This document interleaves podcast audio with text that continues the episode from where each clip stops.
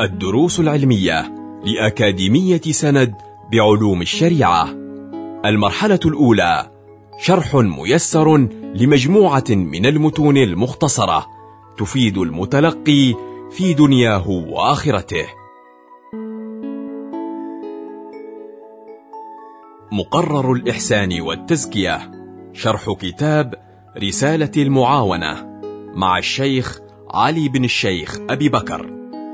بسم الله الرحمن الرحيم الحمد لله وصلى الله وسلم على سيدنا محمد وآله وصحبه ومن والاه مر معنا في الدرس الماضي الترغيب في الذكر لله تعالى عموما والصلاة على النبي صلى الله عليه وسلم خصوصا نسأل الله أن يعيننا على ذلك اللهم أعنا على ذكرك وشكرك وحسن عبادتك ثم ذكر لنا الآن في هذا في هذا الكتاب وينبغي أن يكون لك ورد من التفكر في كل يوم وليلة تعين له ساعة أو ساعات وأحسن الأوقات للتفكر أفرغها وأصفاها وأجدرها في حصول القلب مثل جوف الليل.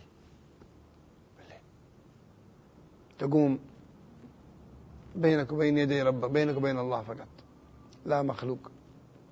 أنت والخالق. وتتفكر في خلق السماوات والأرض.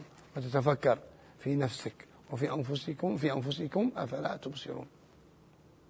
ويتفكرون في خلق السماوات والأرض. ربنا ما خلقت هذا باطلا سبحانك فقنا عذاب النار. قال واعلم أن صلاح الدنيا والدين موقوف على صحة التفكر ومن أعطي أعطى حقه منه أخذ بحظ وافر من كل خير. وقد ورد تفكر ساعة خير من عبادة سنة. قال سيدنا علي كرم الله وجهه لا عبادة كالتفكر وقال بعض العارفين الفكرة سراج القلب فإذا ذهبت فلا إضاءة له. مجاري الفكر كثيرة. منها ما هو أشرفها. ما هو أشرفها؟ أن تتفكر في عجائب مصنوعات الله الباهرة آثار قدرته الباطنة والظاهرة وما بث من الآيات في ملكوت الأرض والسماوات. هذا التفكير يزيد في معرفتك بذات الله تعالى وصفاته وأسمائه. وقد حث عليه الحق سبحانه وتعالى بقوله قل انظروا ماذا في السماوات والأرض؟ وأنت من عجائب المصنوعات كذلك. فتفكر في نفسك. أنت مخلوق عجيب عظيم غريب. لكن من جملة لما نسيت نفسك ونسيت خلقك ها نسيت عظمتك وعظمة الخلق وعظمة الخالق. ولكن لما تصيب بشيء من الأمراض وغيرها تتفكر بعد ذلك وترجع إلى الحق سبحانه وتعالى. لكن مع الدعة ومع النعمة تغفل عن ذلك. قال فتفكر في نفسك. قال الله تعالى وفي الأرض آيات, آيات للموقنين وفي أنفسكم أفلا تبصرون. وينبغي أن تتفكر في آلاء الله وأياديه التي أوصلها إليك. نعم كبيرة. أكلك وشربك ونظرك وسمعك وإحساسك وتنفسك. لا إله إلا الله. وأشياء غريبة في باطنك. بل خروج الفضلات من جسمك نعمة نعمة نعمة نعمة عظيمة. فضلا عن دخولها. مأكولاتك ومشروباتك ومخروجاتك. لو ما خرجت مصيبة. لو استمر الخروج مصيبة. وهكذا. فكل نعم نعم الحق سبحانه وتعالى عليك متوالية وفي كل لحظة ما يغفل عنك الحق. أبدا! سبحانه وتعالى. وما بكم من نعمة فمن الله. ثمرة التفكر امتلاء القلب بمحبة الله. تحب ربك هذا التي نعمه دائمة عليك متوالية عليك دائمة ومسبلها عليك في كل وقت مسدها عليك. وينبغي أن تفكر كذلك في إحاطة علم الله بك. في أي محل كنت ناظر إليك سبحانه وتعالى ومطلع عليك. في كل وقت. قال تعالى وقد خلقنا الإنسان ونعلم ما توسوس به نفسه ونحن أقرب إليه من حبل الوريد. وهو معكم أينما كنتم والله بما تعملون بصير. قال ألم ترى أن الله يعلم ما في السماوات وما في الأرض؟ ما يكون من نجوى ثلاثة إلا هو رابعهم ولا خمسة إلا هو سادسهم. سبحانه وتعالى. ولا أدنى من ذلك ولا أكثر إلا هو معهم. أينما كانوا. سبحانه وتعالى. هذا التفكر ثمرته أن تستحي من الله أن يراك حيث نهاك وأن يفقدك حيث أمرك. تتفكر في تقصيرك في عبادة مولاك وتعرضك لسخطه بإتيانك ما عنه نهاك. قال تعالى وما خلقت الجن والإنس إلا ليعبدون قال تعالى أفحسبتم أنما خلقناكم عبثا وأنكم إلينا لا ترجعون حاشا. نرجع إليه شئنا أم أبينا. كلنا إن لله وإنا إليه راجعون. قال تعالى يا أيها الإنسان ما غرك بربك الكريم؟ الذي خلقك فسواك فعدلك في أي صورة ما شاء ركبك. قال تعالى يا أيها الإنسان إنك كادح إلى ربك كدحا فملاقيه. ملاقي ما تعمله كله. رضيت أو لم ترضى. تفكر في هذا في التقصير في عبادة الله. هذا التفكر يزيد في خوفك من الله ويحملك على لوم نفسك وتوبيخها ومجانبة التقصير وملازمة التشميع وينبغي أن تتفكر كذلك في هذه الحياة الدنيا. كثرة أشغالها وبالها سرعة زوالها. وفي الآخرة ونعيمها ودوامها. قال تعالى كذلك يبين الله لكم لكم الآيات لعلكم تتفكرون في الدنيا والآخرة. قال تعالى بل تؤثرون الحياة الدنيا والآخرة خير وأبكى كيف؟ تغفل عن الآخرة. كيف؟ وأنت مقبل عليك الآخرة يقين قريبة منك. قال تعالى وما هذه الحياة الدنيا إلا لهو لهو ولعب. سماها الحق لهو ولعب. لا إله إلا الله. لو سماها عالم ولا فيلسوف أن هذه اللعب له لعب له لعب له بيعملون له كلام كبير أريد الناس. لكن الحق الذي خلقها من أدرى بالخلق؟ الخالق. من أدرى بالصنعة الصانع. من أدرى بالدنيا الله الذي خلقها. من أدرى بالآخرة الله. من أدرى بنا من أنفسنا الله. كل يعلم خلقه ويعلم صنعته. ما عاد غيره كذب. إن علمت علمت شيء بسيط يسير. لا جزء من جزئية لا تتجزأ مما يعرفه خالقه وصانعه. لكن هذا الحق هو الذي يعلم. سماها لعب. ها؟ وما هذه الحياة الدنيا؟ إلا لهو ولعب. لا إله إلا الله. الدنيا كلها دنيا وما فيها.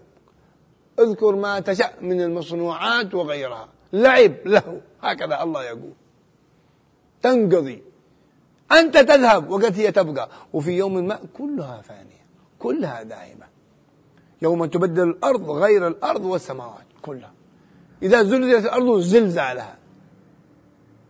القارعة ما القارعة؟ الجبال غيرها. القارعة ما القارعة؟ وما أدراك ما القارعة؟ يوم يكون الناس كالفراش المبثوث تكون الجبال كالعهن المنفوش. تلاشت إذا الشمس كورت وإذا النجوم انكدرت وإذا الجبال سيرت وإذا العشار عطلت وإذا الوحوش حشرت وإذا البحار كلها تتلاشى. وتفنى كل من عليها فان. ويبقى وجه ربك ذي الجلال والإكرام. هكذا. هذه حقيقة لكن نتعامى عنها. وهذه حقيقة الكل يعرفها. حتى الكافرون يدركون هذا. يدركون فناء هذه الأمور وذهاب هذه الأمور. لكن بعد ذلك ماذا؟ هذا يختلف باختلاف الإيمان والكفر. أما الثانية وغيرها من الحياة هذه وزوالها الكل يعني هنيئا لمن اعتبر. قال وإن الدار الآخرة لهي الحيوان لو كانوا يعلمون. كل نفس ذائقة الموت. وإنما توفون أجوركم يوم القيامة. فمن زحزح عن النار وأدخل الجنة فقد فاز. وما الحياة الدنيا؟ أه؟ الحياة هذه كلها؟ كلها الحياة. الحياة بأكملها. ما فيها من مخترعات ومصنوعات وأشياء غرائب ودقائق المخلوق الأشياء التي صنعت. إيش؟ وما هذا الحياة الدنيا؟ إلا متاع الغرور. غرور. هكذا الله يقول. الله الذي خلقها. الله الذي خلقها. يقول كذا. ما هو فلان ولا فيلسوف ولا عالم. الذي خلقها يقول متاع غرور كذب. إن لم تحسن التعامل معها بما شرعه الله وإلا ضرتك.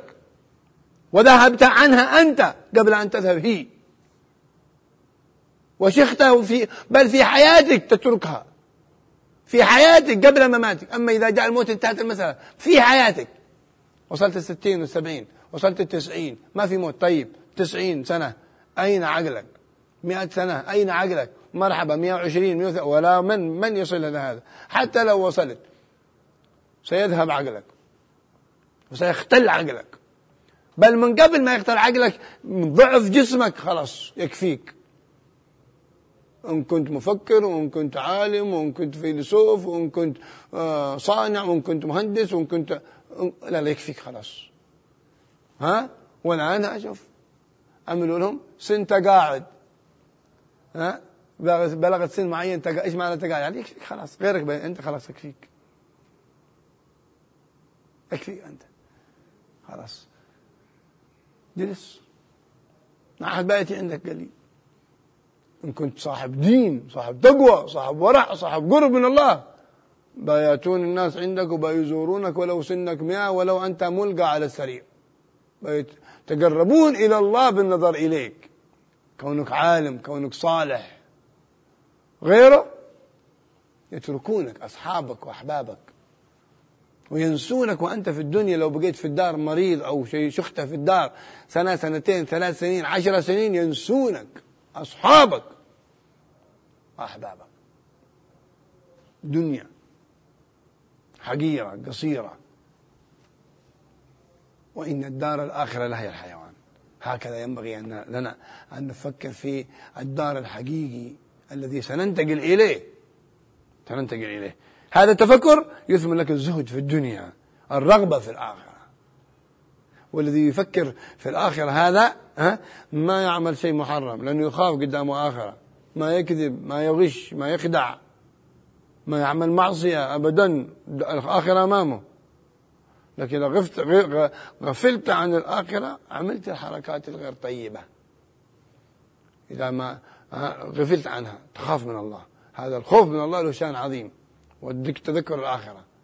فإذا نشأ الابن إبنك على تذكر الآخرة وعلى الخوف من الله في أي محل؟ ضعه. لا تخاف عليه ولا تخاف منه. ليه؟ لماذا؟ لأنه يخاف الله. فالذي يخاف الله لا تخاف عليه. محفوظ إن شاء الله. ولا تخاف منه ما بيعمل بك شيء. اطمئن أنت ومالك وعرضك عنده. لكن لما يخاف الله؟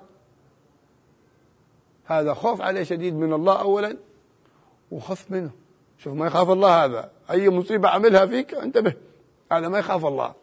لكن إذا تربى ونشأ الإنسان على الخوف من الله اطمئن عليه وافرح به. ولا تخف منه ولا تخاف عليه. تمام. فهذا التفكر يثمر الزهد في الدنيا. ثم قال عليك أن تتفكر في نزول الموت بيتكلم على بعض مجالي الفكر إن شاء الله في الدرس القادم. نسأل الله أن يعيننا على التفكر في مصنوعاته ومخلوقاته وأن نحوز الثمرة من هذا التفكر حتى نمشي بها في هذه الحياة الدنيا ونسعد في الدنيا والآخرة. وصلى الله على سيدنا محمد وآله وصحبه وسلم. والحمد لله رب العالمين. كنتم مع الدروس العلمية لأكاديمية سند بعلوم الشريعة. يمكنكم متابعة جميع الدروس عبر موقع الأكاديمية وتطبيقاتها الإلكترونية. سند علم سلوك دعوة.